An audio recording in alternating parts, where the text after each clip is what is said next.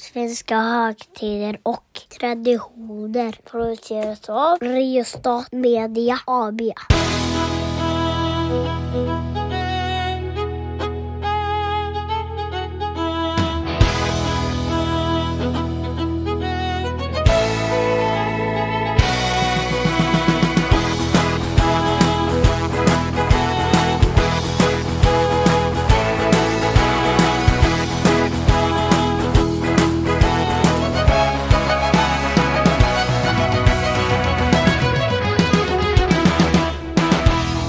Hej och välkomna tillbaka till eh, Mattiassons sovrum.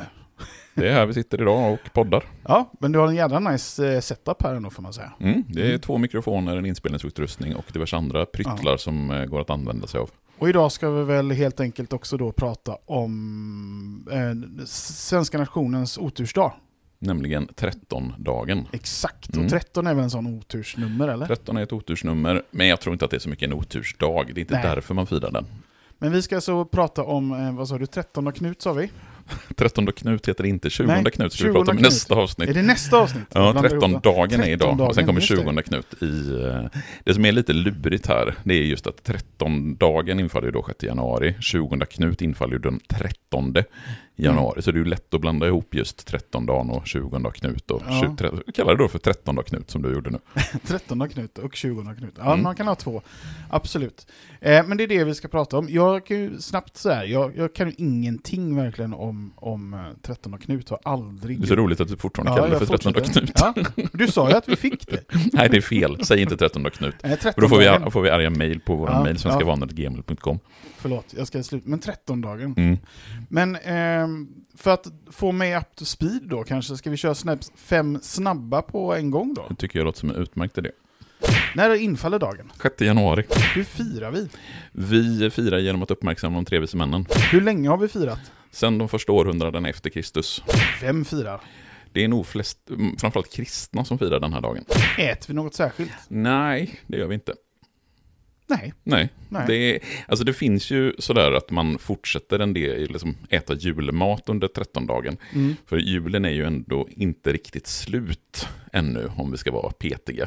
Alltså julen håller ju på till 20 Knut, alltså det avsnitt som vi ska göra om en vecka Just det. ungefär. Det Så som jag skulle- blandade ihop detta med. Ja, exakt. Och då skulle man ju kunna säga att men man fortsätter att äta julmat. Och tittar man i gamla receptböcker och så, så är det till exempel föreslås det att man ska käka slutfisk och ibland att man ska käka risgrynsgröt och sådär. Men det finns ingen specifik sådär 13-dagsmat som vi tänker att det här är typiskt för just 13-dagen.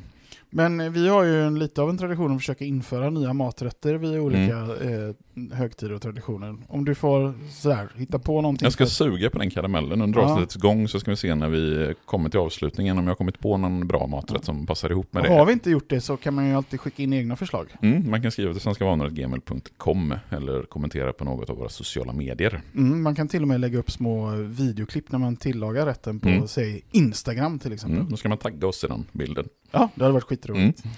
Men, eh, och då kanske vi ändå kommer till eh, sådär, eh, varför firar vi 13-dagen? Som jag sa, jag har ju ingen koppling till 13-dagen alls. Eh, Men om du tänker 13, alltså Ja. siffran 13, vad tror du att det syftar på? I, i det här sammanhanget, oj, eh, det vågar jag faktiskt inte svara på. För mig är det bara en sån här oturssiffra liksom. Mm. Nej men det har ju inte med det att göra, utan det är ju helt enkelt att det är 13 dagar efter jul. ah, alltså det det, är så 13 enkelt. dagar sedan eh, juldagen. Och juldagen räknas ju som första dag jul. Ja. Och sen kommer en annan dag jul, tredje dag jul, fjärde dag och så vidare. Till vi kommer till 13 dag Yes. jul.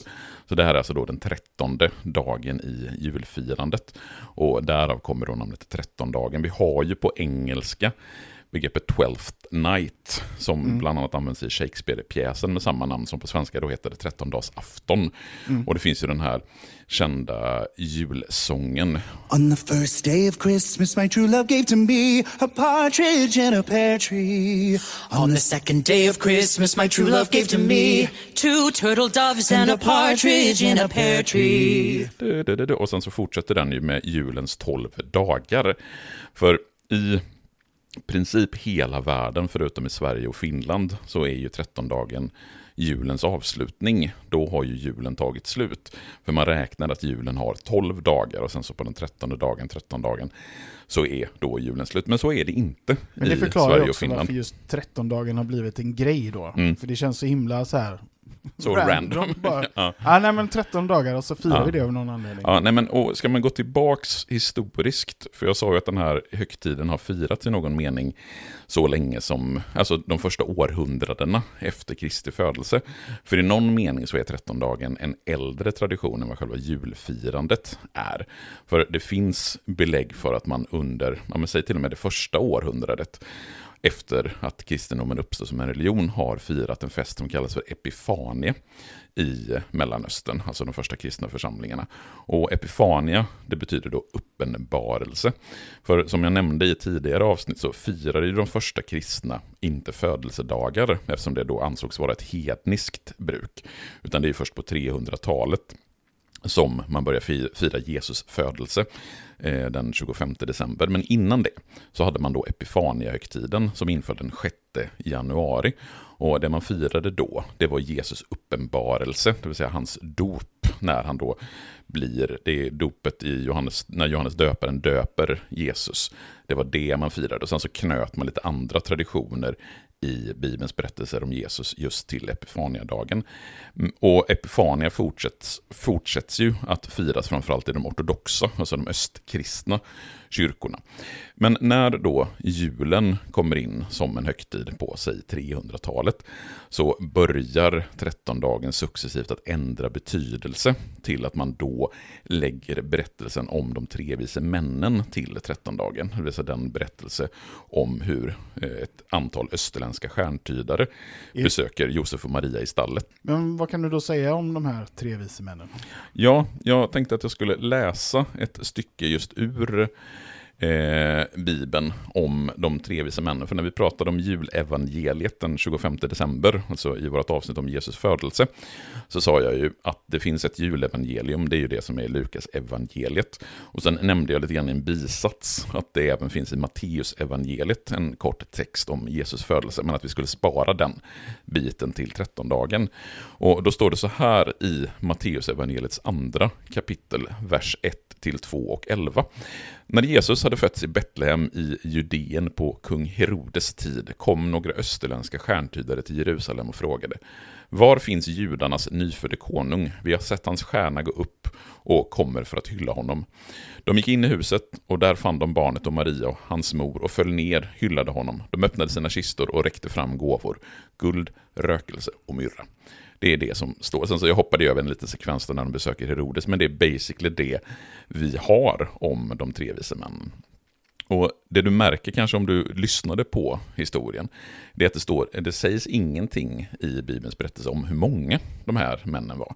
Utan det enda som nämns är att det kom några österländska stjärntydare till Jerusalem. Alltså det här är jättefascinerande. Det hörde inte jag ens nu när du läste det, utan jag hörde tre. Mhm. Men Ja. det är en sån här, återigen, kanske Mandela-effekt som Ja, vi har pratat precis. om tidigare. Nej, men det, det nämns egentligen ingenting i Bibeln överhuvudtaget om hur många de är. Att de har blivit tre till antalet, det hänger ihop med de här tre gåvorna som Just de det. överlämnar. De överlämnar guld, rökelse och myrra. Mm. Och Men det, Det kunde de- lika gärna varit 15 som gav guld och 37 som gav eh, myrra och en som gav den här tredje grejen. Ja, rent, te rent tekniskt absolut. Ja. Eftersom det, det sägs ingenting om hur många, utan det, är- det sägs ju då att, det, eller så som historien sen har utvecklats över tid, så har man då att det är en som överlämnar rökelse, det är en som överlämnar guld och det är en som överlämnar myrra. Mm. Och de här tre gåvorna, de ska ju då symbolisera olika saker. Mm. Guldet, det är ju en klassisk symbol för kungar och makt. Det är den ädlaste av metallerna. Och då skulle det vara judarnas konung, kopplingen till guld. Rökelse, det använder man när man tillbedjar inom flera olika religioner. Röken stiger dessutom mot himlen och ska då vara en symbol för Jesus kontakt med Fadern i himlen. Mm. Och myrra, som är en form av kåda som eh, sprider en väldoftande, alltså eh, luktar gott helt enkelt. Och den används bland annat i olika kröningsceremonier och även vid balsamering. Och då ska den ha eventuellt kunnat symbolisera Jesus död och senare uppståndelse. Och just vad de här sakerna symboliserar, det, kan, det är ju givetvis olika tolkningar som har sedan gjorts över tid. Eh, när man har försökt att förklara den här berättelsen. Men sen så har ju också de här tre vise männen, som vi ändå då får kalla dem, även om de inte omnämns som tre, så brukar ju det vara... Skulle man ändå kunna säga att det är minst tre? Därför att det behöver vara minst tre för att det ska vara några. Ja, några skulle väl egentligen kunna vara två stycken rent Då är det ju ett tekniskt. par. Ja, några, ja vi, vi säger nog att det skulle nog kunna vara minst tre. Mm. Eh, lite oklart, men, eh, Ja, nej, men, ja, men det, det, det är ett gäng som kommer där. Men sen så efter att den här traditionen liksom börjar växa fram under de första århundradena så växer också senare fram en legendflora kring de här olika eh, personerna. Till exempel så ska de ha kunna representera tre olika världsdelar. Att en kommer från Europa, en från Afrika och en från Asien. Alltså de tre världsdelar som man kände till vid den här tiden. De ges också namn på 700-talet. Kasper, Melchior och Baltzar. Och det är också de tre namnen som vi har som namnsdagar på 13-dagen. För övrigt den enda dagen på året som har tre namnsdagar. Övriga Jaha. dagar har ju antingen en, två eller ingen namnsdag. Men 13-dagen har just tre kopplat. Det är de här namnen då. Baltzar, Kaspar och Melchior som har namnsdag på 13-dagen. Ja, eh, intressant om eh, de tre vise männen. Eh, men det känns ändå som vi kanske inte vet så himla mycket om dem, eller? Nej, vi, Nej. Alltså, som historia, alltså, det är ju samma sak. Vi vet lika lite om de tre som vi egentligen vet om Jesus födelse. Alltså, det är de här små Mm. fragmenten av textstycken som finns i Matteus evangeliet. Och troligtvis så är det här en berättelse som är tillagd i efterhand då för att bevisa Jesus storhet och att även de tre vise männen får också då symbolisera att kristendomen är en världsreligion. Eftersom då alla, det är inte bara de lokalt som berörs av det här, utan det är då österländska stjärntydare som kommer hela vägen från förmodligen då Babylonien, att de har sett den här Betlehemsstjärnan på himlen och kommit och att kristendomen då blir en stor världsreligion. Men kan vi tänka oss att du kanske vet mer om hur det har firats i Sverige? Ja, där finns det betydligt mycket fler källor och fler belägg än vad det finns om de tre vise männens besök i, eller eventuella besök Finns i, det i några belägg för deras besök i Betlehem? Nej, det finns ju inga belägg för att Jesus föddes i Betlehem överhuvudtaget, så det finns ju ännu mindre belägg för att han fick besök av tre vise män. Men eh, 13-helgen eller 13-dagen finns ju som en tradition när kristendomen då kommer till Sverige. Och eftersom man då knyter 13-helgen till de tre vise männen så växer det fram en tradition i Sverige med så kallade 13-dagsspel. Det vill säga ett, en form av upptåg som ungdomar gör i anslutning till 13-helgen där man klär ut sig dels till de tre vise männen men också till lite andra figurer. Till exempel så har vi i 13-dagsspelen den här stjärnan som förmodligen är det som senare transformeras till att bli Lucia i gestalten i Lucia-tågen. Vi har stjärngossarna som ju också överförs till Lucia-tågen i början på 1900-talet. Och vi har min favoritgestalt Judas med pungen. Ja, Som, eh, det är inte den pungen. nej, utan det Nej. är penningpungen. Han hade ett visst antal silvermynt, va? Eller hur det? Eh, det är mycket riktigt silvermynt där. Och Mm. det som Judas med pungen gör då, det är att han går och samlar in pengar. För att när ungdomar går runt i byarna och gårdarna och gör de här spelen, där man eh, i grunden för 13-dagsspelen, det är ju att man någonstans ska gestalta och åskådliggöra Bibelns berättelse om de tre vise männen. Men man gör ju inte det liksom för att vara schysst, utan man gör det för att få någonting tillbaka. Och då vill man antingen ha mynt, alltså i form av att man går runt och lägger mynt i pungen. Nu var ju Sverige ingen penningekonomi, så det var ju väldigt få som kanske hade mynt, utan då fick man ju snarare eh, olika typer av mat, och för det fanns ju fortfarande kvar av julmaten, men också brännvin, givetvis, att man tiggde sig till en sup eller liknande.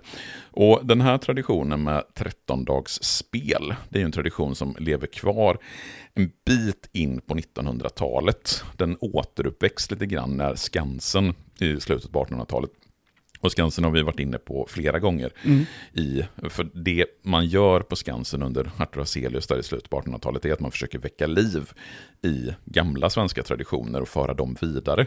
Så på Skansen under slutet på 1800 på 1900-talet så har man den här typen av 13-dagsspel. Är det många av våra traditioner som får någon slags eh, återuppståndelse Mm. just kring eh, det vi nog får kalla för nationalromantiken, eller? Jag skulle säga att nationalromantiken eh, i allmänhet och Skansens bidrag till nationalromantiken i synnerhet är superviktigt för just de svenska traditionerna.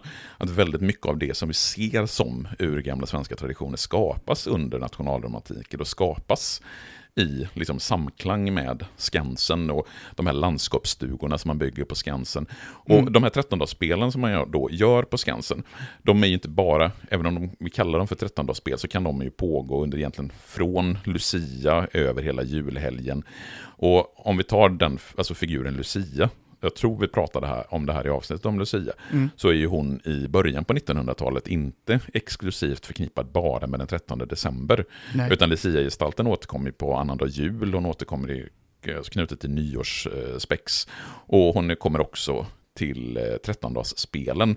Så det är ju inte en lång period här på flera veckor som man har olika upptåg på Skansen. Man gör de här olika figurerna. Judas med pungen, de österländska stjärntydarna, stjärngossarna, eh, Lucia-gestalten, stjärnor, eh, eller änglar menar jag, eh, och liknande som förekommer här. Så det, vi, vi, kan säga att vi har liksom tre epoker så här. Eh, innan eh, Skansen och nationalromantiken, då gör man på ett sätt. Mm, Sen håller det på en stund och sen så har vi ju så som vi firar idag. mm. För ingenting av det du pratar om nu känner jag igen att jag Nej. någonsin har gjort. Nej, alltså 13-dagsspelen de försvinner ju under det tidiga 1900-talet. Men jag, jag tänker att jag ska, ändå få, jag ska ändå läsa ett exempel från hur de här spelen kunde beskrivas från eh, 1751. Mm. Så finns det en nedteckning där man beskriver det så här. Tre vise män voro tre bonddrängar, vilka gingo omkring i julhelgen, men besynnerligen trettondagsafton klädda i vita skjortor. Dessa hade tvenne andra drängar i följe med sig. En av dessa skulle agera Josef och var utklädd med en luden fårskinnspäls samt med en stor puckel på ryggen och tillika en stav i handen.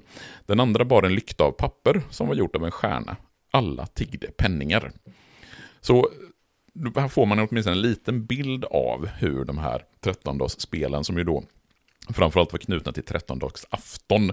För precis som vi har nyårsafton och nyårsdagen, julafton och juldagen, så har vi här 13-dagsafton Mm. och 13-dagen. Just det. Men, eh, och här har det ju förekommit traditioner knutna just till 13-dagsafton på samma sätt som det har funnits till nyårsafton eller juldagen. Men här så tänkte jag att det var inte lönt att göra två separata avsnitt. Vi gör inte ett om 13-dagsafton och ett om 13-dagen, för de traditioner som finns knutna till 13-dagen, de kan lika gärna vara på 13-dagsafton som på 13-dagen. Det är inte som med nyårsafton och nyårsdagen att det är två helt skilda Ja, traditioner knu- knutna dit. Och det kan man verkligen hålla med om att det är väldigt skilda traditioner. Mm. Ja, men så är det ju så är det definitivt. Men eh, har det liksom funnits någon, något, någon, något firande utav 13 på kontinenten eh, som skiljer sig från hur det har blivit i Sverige? Mm. Nej, men alltså, det som blir speciellt med Sverige och 13-dagsfirandet, det är ju det här att vi, och det här kommer vi prata mer om i avsnittet om 20 Knut, att vi i slutet på 1600 på 1700-talet förlänger julfirandet ytterligare en vecka till 20 Knut, alltså till den 13 januari. Vilket då gör att vi kallar 13-dagen just för 13-dagen. Det är ju egentligen inget annat land, vad jag vet, som kallar 13-dagen för 13-dagen. Varför har vi gjort så? Jo, för att vi då kallar, den, för 13-dagen blir den 13 dagen i julfirandet. Japp. I alla andra länder förutom Sverige och Finland så är ju julen slut Mm. i och med 12 dag jul, alltså det. 13 dags afton. Men i Sverige så fortsätter vi fira julen till 20 Knut och då blir ju 13 dagen den 13 dagen i julfirandet. Och tittar man på vad det heter på andra språk, så till exempel danska och norska, så heter det heliga tre kungars dag. Eh, för där knyter man det väldigt tydligt till just berättelsen om de tre vise männen. Och tittar man på andra europeiska språk, på engelska, och franska och tyska, så är det ju epifania på olika sätt. Så det är egentligen bara i Sverige som vi kallar det för just 13-dagen. Mm. Och det gör ju att det blir väldigt specifikt eh, den 13 dagen på julfirandet i Sverige. Men du svarade inte riktigt på, på den frågan jag kanske vill ha svar på. Varför firar vi en vecka längre i Sverige och Finland? Ja, men jag tänker att vi kommer till det i 20 Knut-avsnittet. Ah. Jag håller lite på den. Eh, för det finns Då, då får jag veta. Ja, eh, du får vänta en vecka innan du får det svaret. Nej, men för att det finns lite olika hypoteser kring det, så jag tänker att jag sparar den, de olika hypoteserna till 20 Knuts avsnittet. Men nu gör vi det. Mm. Men den sista traditionen som vi ändå då har, och som finns det ens någon kontrovers? Ja, eh, jag, Oj. Nej, men jag, nu, grejen var att vi... Eller blir det krystat nu igen? Nej, det blir inte jättekrystat den här gången. Och jag vill bara backa tillbaks lite till nyårsaftonsavsnittet. För där Ja. sa vi att det inte finns några kontroverser. Ja. Men då fick jag ett, en, jag vet inte om det var på Instagram någon kommenterade eller om det var på någon annan kanal, att nyårsfyrverkerierna är ju en kontrovers Ja. som man definitivt borde ha lyft upp som en sak på nyårsafton. Den är ju väldigt aktuell. Den ligger nog nästan för nära i tid för att du och jag skulle tänka på den. Ja, nej, men, och, det konstiga var att vi pratade ju om nyårsfyrverkerierna väldigt mycket i avsnittet för att du Det lyfte det. Mm. Och där borde vi ju ha tänkt, men det är klart att det är en väldig kontrovers, alltså ska man smälla fyrverkerier för att det kostar mycket och för att eh, djur skadas av det och att det släpper Mm. ut massa tungmetaller och så vidare. Så Mm. jag vill bara ha det fört i protokollet att vi missade just nyårsfyrverkerierna. Mm. Men ska vi ta kontroverser knutna till 13-dagen, så det, ja, det är svårt att hitta något i nutid, eftersom det är ju en helg som inte firas i så stor utsträckning i Sverige längre. Visst, den uppmärksammas av de som är troende kristna, för där uppmärksammar man ju verkligen 13-dagen som en dag eh, där man pratar om de tre vise männen och man pratar ofta om mission i världen på 13-dagen. Så det är en viktig kyrklig dag, men eftersom så pass få svenskar ändå är troende kristna så är det, liksom, det är svårt att plocka över den till... Vågar du säga någonting om det är skillnad i hur man firar det i, i den privata kyrkan, höll jag på att säga. Frikyrkor och... Fri, frikyrkan och Svenska kyrkan? Jätte, ja, nej, det, och grejen att frikyrkorna skiljer sig så pass mycket åt också Mm. mellan olika frikyrkor. Och där känner inte att jag har tillräckligt mycket på fötter för att Nej. kunna gå in och diskutera det i detalj. Det jag vet är att man åtminstone i Svenska kyrkan och i många av frikyrkorna lyfter just kristen mission som en del av trettondagsfirandet. För folk i allmänhet så tror jag men det, det, det, det blir en, en skön helgdag Mm. för de flesta som arbetar, att man är ledig den 6 januari. Och man har ofta halvdag den 5 januari på 13-dagsafton. Men för att komma till det här med kontroverser. Yes. Så den stora kontroversen kring 13-dagsfirandet, det är just de här 13-dagsspelen som vi hade i Sverige under tidig modern tid. För det som är intressant, det är att de flesta belägg för, som, som vi har för tidiga 13-dagsspel, det är sånt som vi hittar i rättegångshandlingar och olika typer av förbud. Eftersom många från kristet håll, alltså från kyrkans håll, ville ju förbjuda de här 13-dagsspelen. Man bekämpade till och med att de här stjärngossarna och julspelen skulle överhuvudtaget utföras. För dels så fick vi ju den här med spriten, och du vet vad som händer när ungdomar dricker sprit. Ja, Det blir ja, olika typer av tråkigheter. ja, definitionsfråga. Ja, nej men från kyrkligt håll så var det Ja, så man ja. upplevde det åtminstone. Jag Som- det kyrkliga perspektivet Ja. håller jag helt och hållet med. Eh, Och sen så tyckte man väl att man lite grann förvanskade Bibelns berättelser. När man, säg att man går mellan tio olika gårdar så får Mm. man sig en snaps på varje.